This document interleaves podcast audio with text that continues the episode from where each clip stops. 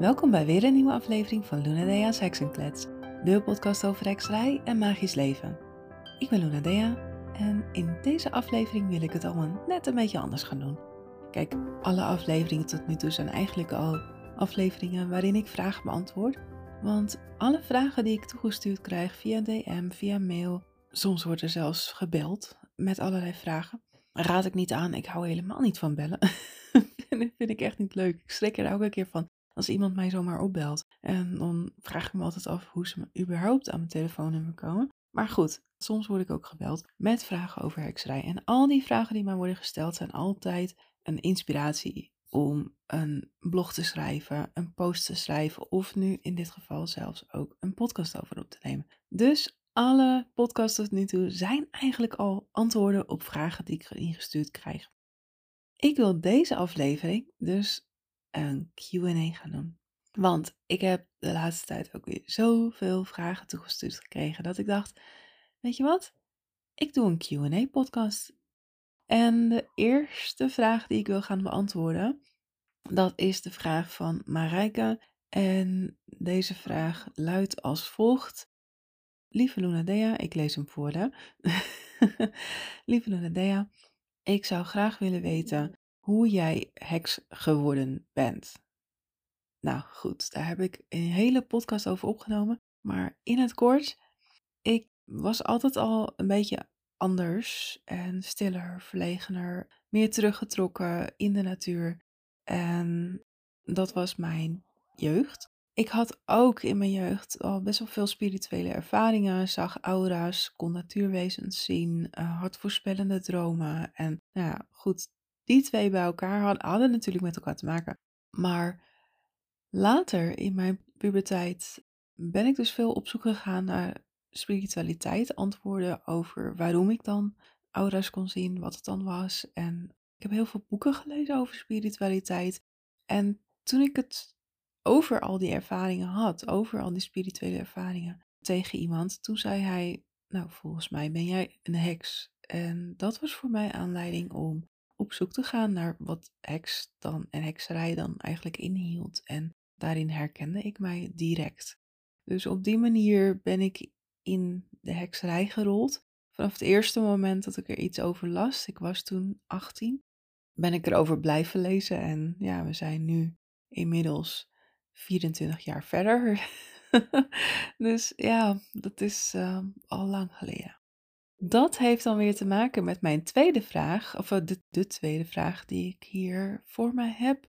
Deze vraag is van Cecilia en zij vraagt: Hoe oud ben jij? Hele persoonlijke vraag, heel anders. Maar ik zei al, 24 jaar geleden was ik 18 en leerde, kwam ik op het heksenpad. Dus dat betekent dat ik nu 2023, nee, ik ben, ik ben nu bijna 43. Ik ben over een paar weken jarig, dus bijna 43. Alweer oud. Nee, je bent zo oud als je voelt. Ik moet zeggen dat ik qua gevoel ergens uh, op de 32 ben blijven steken. maar ja, en uh, heel veel mensen schatten mij ook altijd een heel stuk jonger. De derde vraag is ook een hele persoonlijke vraag. Uh, dat zijn er eigenlijk twee. Richard vraagt: Heb je kinderen? En ben je verliefd, verloofd, getrouwd, gescheiden? Nou, Richard, ja, ik heb kinderen. Ik heb drie kinderen. Ik heb een uh, dochter van 16, een zoon van bijna 14 en een zoontje van 7.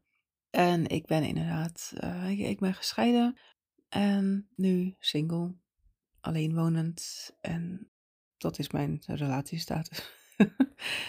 Heeft niks met hekserij te maken, heel persoonlijk, maar ja, goed, dat, is, uh, dat ben ik. De volgende vraag, even doorscrollen, even kijken. Deze is van Cindy. En zij vraagt: waarom noem je jezelf een traditionele heks en geen Wicca? Heb ik ook een podcast over opgenomen. Ik noem mezelf een traditionele heks omdat dat voor mij meer is. Ja, dit, dit past gewoon bij mij. Als ik kijk naar traditionele hekserij en Wicca, dan is traditionele hekserij meer hoe ik het beleef. Mijn hekserij, ik, ik heb een hele eigen vorm van hekserij gecreëerd eigenlijk in de loop van mijn heksenpad. En ja, Traditionele hekserij is meer aards, meer op de natuur gericht, meer nuchter. Ja, meer, meer volksmagie en tradities zijn erin verweven en mij spreekt dat heel erg aan. Wicca is een religie en werkt eigenlijk altijd met de god en de godin. En heeft best wel veel richtlijnen en regels. En ja, mij spreekt dat niet aan. Dus ja, daarom noem ik mijzelf een traditionele groene heks. En ja, soms zeg ik ook wel hedge witch, maar dat is een Engelse term. Dat zegt niet heel veel mensen wat. Dus ja, traditionele hekserij is voor mij de betere benaming om te benoemen wat voor soort heks ik ben. Ik heb hier een vraag van Elisabeth en zij vraagt, oh dat is een heel verhaal, even de context eruit trekken. Zij vertelt een heel verhaal over haar ervaringen met wezens die zij soms ziet, geestverschijningen en dergelijke. En zij vraagt: Is het zo dat iedere heks geesten kan zien? Nou, dat is inderdaad een, een, eh, een vooroordeel wat heel vaak terugkomt. Mede veroorzaakt door allerlei Hollywoodfilms en zo, waarin heksen altijd demonen en geesten kunnen zien. Nou, zij heeft dan wel ervaringen met het zien van entiteiten, blijkbaar. Ik heb vroeger wel die ervaringen gehad, uh, heel af en toe nog, maar het is echt niet zo dat iedere heks entiteiten kan zien. En het is ook niet zo, al helemaal niet trouwens, dat wij werken met entiteiten. Natuurlijk zullen er uitzonderingen zijn, natuurlijk zullen er heksen zijn die wel op die manier werken, maar omdat zij dat, dat zo op die manier kunnen werken, ik zou dat niet eens durven. Maar nee, ik, ehm, als ik voor mezelf spreek, ik, uh, ik, ik werk niet met entiteiten. Ik heb wel contact met mijn gidsen en voorouders. Maar het is niet zo dat ik ze echt als een verschijning naast mij zie als ik om hun hulp vraag. Dus ja, als, als dat het beeld is, als ik het heb over werken met mijn gidsen en voorouders, dan, dan, is, dat, dan is dat het verkeerde beeld. Als ik mijn gidsen en voorouders vraag om hulp bij mijn ritueel werk of bij mijn magie of überhaupt gewoon voor het bijstaan tijdens een dag, dan roep ik ze niet op en ik zie ze niet als een geestverschijning naast mij of iets dergelijks. Het is gewoon een hulpvraag die ik, die ik uitstuur dan. Eigenlijk zoals het ook het bidden bij, bij het, in het christendom is. Als jij bidt tot God of Jezus of Maria, dan roep je ze ook niet op en zie je ze ook niet als een geestverschijning naast je, maar je vraagt wel de hulp en de steun en de liefde. En dat is ook wat ik doe als ik mijn voorouders en gidsen om steun en bijstand op een dag vraag. Dus nee, we werken niet met geesten en geestverschijningen of iets dergelijks. De volgende vraag is van Zara en zij zegt: Hoe ben jij een bedrijf begonnen in hekserij? Ja, dat is, dat is ook weer heel, uh, een heel verhaal. Ik ben opgeleid als, als juf voor de basisschool. Ik heb de PABO gedaan, de interconfessionele PABO in Alkmaar. Hele leuke opleiding, heel creatief. Ik had er heel erg naar mijn zin, maar het stage lopen, dat vond ik echt niet leuk. En op die PABO moest je echt heel veel stage lopen. En ik was toen de tijd al met hekserij bezig, ook toen al op de PABO. Maar op een gegeven moment werd mij aangeraden om dan maar te stoppen met de PABO. Dus ik, ik ben wel opgeleid als juf. Ik heb de opleiding niet afgemaakt en ik heb dus ook nooit voor de klas gestaan. Maar ja, wat moet je dan daarna? Dus ik kwam voor school af en ik had ja, wel een propenduizen van de HBO, maar verder geen, geen werkervaring, behalve dan dat ik achter de kassa had gestaan. Of nee, niet eens bij de kassa in de supermarkt. Ik heb bij de daily gestaan, dus de brood, kaas, dat soort dingen. Maar ja, dat was nou niet echt een ambitie die ik had om voor de rest van mijn leven te blijven doen. Dus ik ben via wat uh, ja, omzwervingen en zo bij op kantoor terechtgekomen als binnendienstmedewerker, PNO-medewerker, um, nou ja, dat soort, dat soort baantjes, kantoor. Heb ik een aantal jaar gedaan, maar dat vond ik ook echt niet leuk. Het was echt een, een moedje van ja, elke ochtend sleepte ik me uit bed en dan ging ik maar naar kantoor en werken en geld verdienen. Maar niet leuk was anders. En ja, dat straalde ik natuurlijk ook uit. dus ook contract dat ik had, werd uiteindelijk niet verlengd. Dus ik had een jaar contract hier en twee jaar daar. En dan weer een jaartje hier en dan weer een jaartje daar. En ja, zo hopte ik van het ene kantoor naar het andere kantoor. Op een gegeven moment in 2013 was weer een keer mijn contract niet verlengd. En nu als eigen baas terugkijkend denk ik, ja, logisch is er iemand de hele tijd met zo'n mijn gezicht uh, verplicht op kantoor is om werk te doen. Maar ja, goed, toen vond ik het heel oneerlijk en heel stom dat ik elke keer uh, ontslagen werd. Of mijn contract niet verlengd werd. Klinkt dat netter.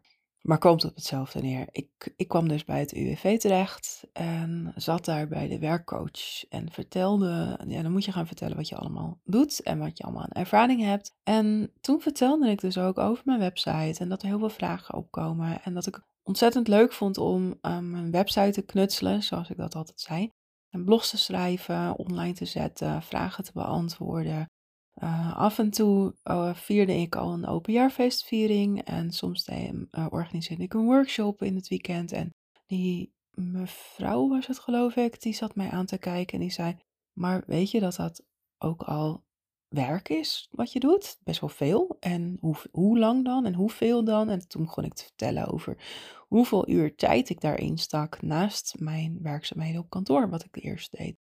En dat was echt heel veel. Dat was echt wel soms wel gewoon 40 uur per week. Dus toen zei zij, maar als jij 40 uur naast je gewone baan dan al 40 uur werkt voor jouw website, dan is dat een fulltime baan ernaast. Heb je er wel eens aan gedacht om dat om te zetten naar een bedrijf? Nou, daar had ik dus echt nog nooit over nagedacht, want niemand was bedrijfsmatig heks toen de tijd. Nou ja, niemand. Je had de heks van Appelscha al, maar ja, die had een hele eigen boerderij en uh, dat had ik niet. Dus ik, ik, ik had er überhaupt helemaal niet bij nagedacht om, om een business hacks te zijn, om een heel bedrijf daarin te beginnen. Maar ja, goed, zij legde dus die vraag voor mijn voeten van, zou je dat willen? Zou je dat kunnen?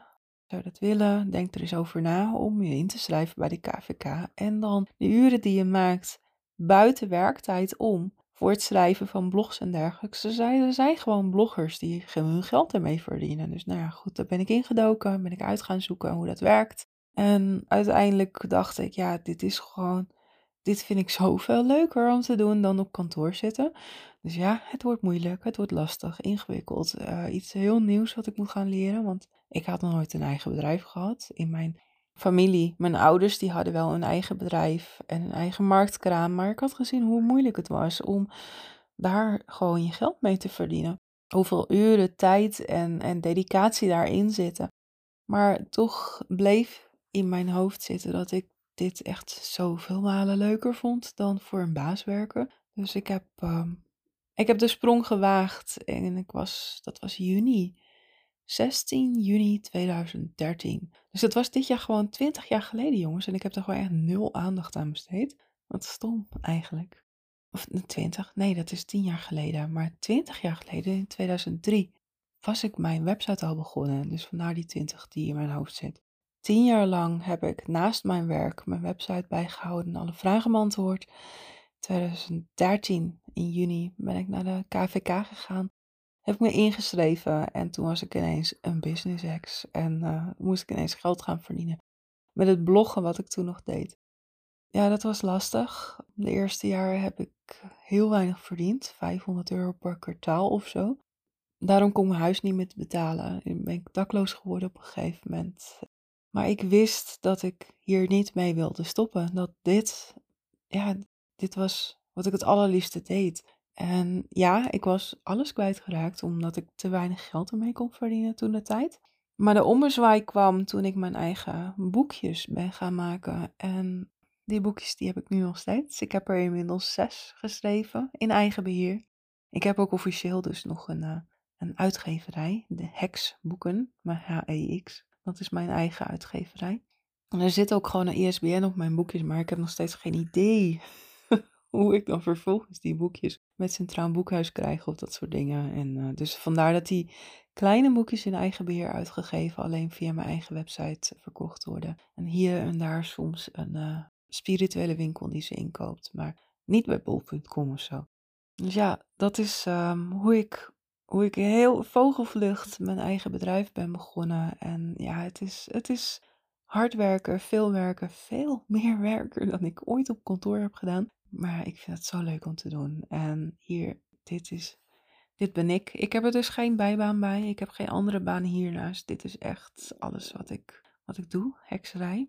Het is nu uitgegroeid tot niet alleen boekjes, maar ook Via die kleine boekjes ben ik dus benaderd door Ank Hermers uiteindelijk. Want die zeiden, ja, wij, wij konden al zien dat je kan schrijven.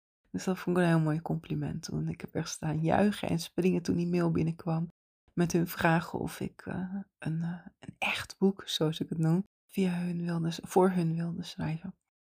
En um, ja, de, de jaaropleiding geef ik er nu natuurlijk ook bij. En Hexfest, wat ik organiseer, mijn eigen heksenfestival. Dus het is echt heel veelzijdiger dan op kantoor werken. En dit had ik nooit kunnen bedenken als klein meisje dat ik een uh, eigen bedrijf zou hebben. Wat ik wel had bedacht als klein meisje, naast dat ik juf wilde worden, wilde ik wel als schrijver worden. En ik heb ooit een keer tegen een leerkracht gezegd op de middelbare school dat ik een boek, eh, boek zou gaan schrijven. Hij was wiskundeleraar en wiskunde, ik en cijfers. Ik, ik vond wiskunde echt verschrikkelijk en economie ook.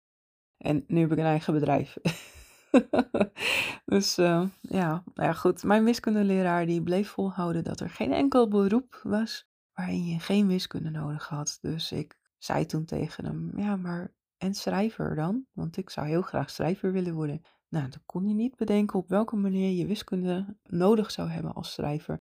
Nu denk ik, ja, woordtellingen bijvoorbeeld. Maar goed, ja, daar heb je gewoon zo'n metertje voor op je Word zetten. Die uh, aantal woorden bijhoudt. Maar goed, hij, um, ja, ik, um, ik had dus het beroep gevonden waarbij je geen wiskunde nodig hebt. En toen heeft hij heel bij de hand gezegd, nou ja, er zijn heel veel mensen die schrijver willen worden, maar er zijn er maar heel weinig die het uiteindelijk worden. Dus uh, mocht het een keer lukken om een boek te schrijven, laat het me maar weten. Hij was heel sceptisch erover. Dus ik heb hem inderdaad uiteindelijk een, uh, een boek toegestuurd. ik heb hem kunnen achterhalen via Facebook en een boek toegestuurd niks op teruggehoord, helaas. Maar goed. Ja, dus uh, zo ben ik business ex geworden. Heel onlang antwoord op een simpele vraag. Ik um, zie dat ik al best wel lang aan het praten ben en ik heb al best wel veel vragen beantwoord. Ik ga een laatste vraag erbij zoeken.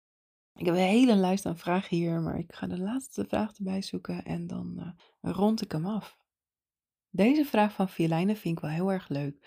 Ze zegt, beste Donadea, je doet al heel erg veel. Ik zie van alles van jou voorbij komen. Uh, zelfs een heksfest. Ik kijk er heel erg naar uit. Hoop dat ik ticket kan bemachtigen. Maar als je naar de toekomst kijkt, wat zou je dan nog heel graag ook nog willen doen? Ja, dat heeft een beetje met de voorgaande vraag te maken. Dus daarom heb ik deze gekozen.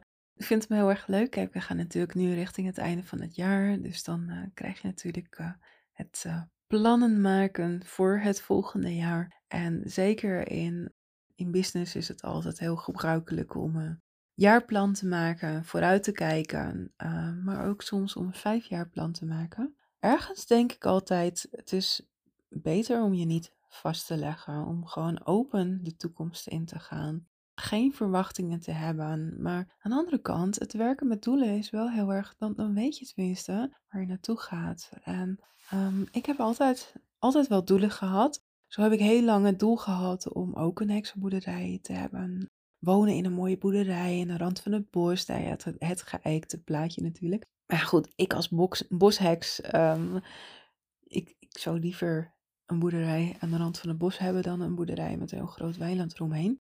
Maar mijn idee was altijd een boerderij met schuren. En dan kan ik in die schuren mijn eigen workshopruimte maken. En workshops geven en zo. En nou ja, totdat ik dus uh, single mama was en um, vorig jaar ineens bedacht dat zo'n boerderij wel heel erg mooi is, maar ook ontzettend veel werk. Dus nu woon ik gewoon in een rijtjeshuis.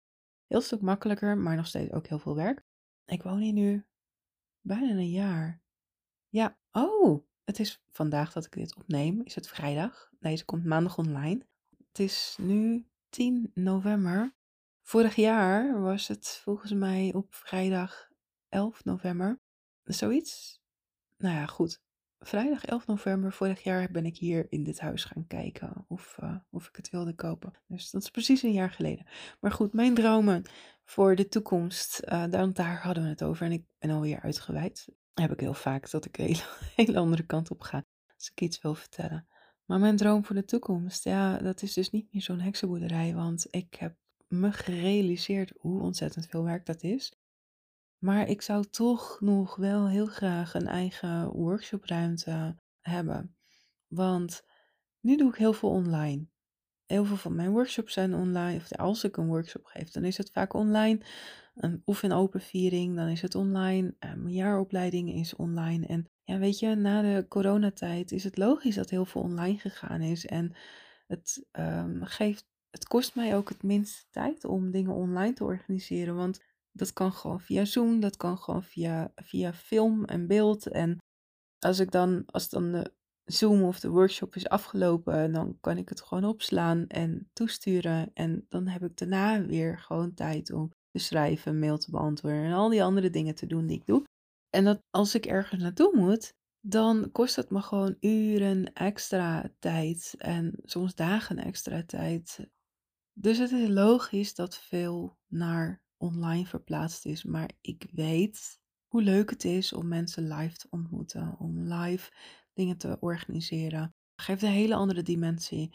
Dus en een hele andere beleving ook bij jou als ontvanger van, van de workshop en zo. Dus ergens ooit een keer uh, met de tijd wil ik toch heel graag wel weer een, een eigen workshopruimte hebben. Dus dat ik niet zelf heel Nederland hoef rond te reizen en rond te zoeken naar een geschikte workshopplek. Ik zou in de toekomst heel graag nog wel mijn rijbewijs halen. Dat maakt het rondreizen ook een heel stuk makkelijker. En ja, op heksengebied is het, is het nu inderdaad dan ja, echt, echt nog wel de, de wens om een eigen locatie te hebben. Ja, een, een fysieke heksenschool wordt er wel eens gezegd. Ik heb natuurlijk de Hex Academy online. Een, een locatie om bij elkaar te komen. Dat, uh,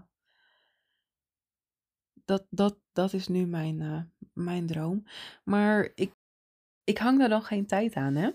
Het is niet dat ik denk van dat wil ik binnen nu en een jaar of binnen nu en drie jaar of vijf jaar gerealiseerd hebben. Nu denk ik, oh, dat, lijkt me wel, dat lijkt me nog wel leuk om te realiseren. Maar het is geen moeten. Het is niet een, een hard doel wat ik wil realiseren of iets dergelijks. Als het zo bedoeld is, dan komt het op een gegeven moment wel op mijn pad. Dat is hoe ik er eigenlijk altijd in sta. En ja, ik wil, ik wil gewoon in de komende jaren wel Hex Academy verder vullen met andere workshops erbij en cursussen en dergelijke. Dus dat is ook nog een doel. Ja, en verder wil ik eigenlijk meer vrije tijd realiseren, zodat ik meer tijd met mijn kinderen kan doorbrengen. Ik heb ehm, in het afgelopen jaar ben ik heel erg ziek geweest. Heel veel en heel lang en heel erg ziek geweest. En het blijkt Lyme te zijn. Lyme, dat is van die kleine beestjes, van die teken. Ik, ik ben natuurlijk die bosheks die heel veel het bos ingaat en dus ook heel veel teken oploopt. Ondanks alle tekenspray en tekensokken en van alles en nog wat aan preventie heb ik uh, echt meer. Ik ben, ik, ben blijven, ik ben gestopt met tellen bij 300. Zal ik het daarop houden? Dus ik heb heel veel tekenbeet opgelopen. Dus de kans dat ik Lyme had uh, was groot. En na heel lang onderzoek is dus gebleken dat die algehele malaise die ik al jaren heb, dat dat dus Lyme blijkt te zijn. Nou goed, dat, dat wordt behandeld en daar heb ik medicatie voor. Dus verder niets ernstigs. Alleen het, het effect bij mij is dus dat ik continu koorts heb. Maar ook echt hoge koorts. Het, eh, het, het zakt niet onder de 39. En ja, daar voel ik me dan best wel, wel, best wel ziek door. Maar voordat ze ontdekt hadden dat het Lyme was, is ook heel even ter sprake gekomen dat het mogelijk kanker kon zijn. Nou ja, goed, toen ben ik echt uh, ingestort, heb ik echt een dag gehuild toen ik dat hoorde. En toen het gezegd was. En toen, is mij, toen kwam ik in zo'n realisatiemoment dat ik dacht, ja, ik ben nu wel heel hard aan het werken en heel veel aan het werken. En ik vind het hartstikke leuk om te doen. Maar bijna al mijn tijd gaat in mijn werk zitten. En ik, ik gun mezelf heel, heel weinig vrije tijd, uh, heel weinig tijd voor mezelf. als de kinderen er zijn, dan besteed ik wel al mijn tijd aan hun. En dan leg ik mijn telefoon echt weg. En probeer ik zoveel mogelijk tijd met hun door te brengen. Zo min mogelijk tijd aan mijn werk te besteden. Maar ineens, toen, toen dat K-woord als een bom gedropt werd. toen realiseerde ik me dus echt. Wat is nou het belangrijkste in het leven? En dat is echt tijd doorbrengen met de mensen die je lief hebt. Dus is dat ook een heel groot doel voor mij om zoveel mogelijk ja, tijd vrij te maken voor hun en voor mezelf ook. Dus ja, dat is denk ik nog wel mijn mooiste en grootste doel in, voor de toekomst. Ja, en bij deze rond ik hem dan af, want dat vind ik een mooi einde. Ik hoop dat het deze aflevering met niet, geen kijkersvragen, maar luisteraar vragen, vragen van luisteraars, hoe zeg je dat? Nou ja, goed. Dat jullie dat leuk vonden. Ik vond het in ieder geval wel heel erg leuk. En het wordt daardoor een heel diverse aflevering. Dus ik zal dit vaker gaan doen. Mocht je vragen voor mij hebben, dan mag je ze altijd insturen. Um, dat kan gewoon via mail, via DM, op social media. Op Instagram ben ik het beste bereiken. Ja, dus hopelijk tot, uh, tot daar, tot dan en tot een volgende keer weer. Doei doei.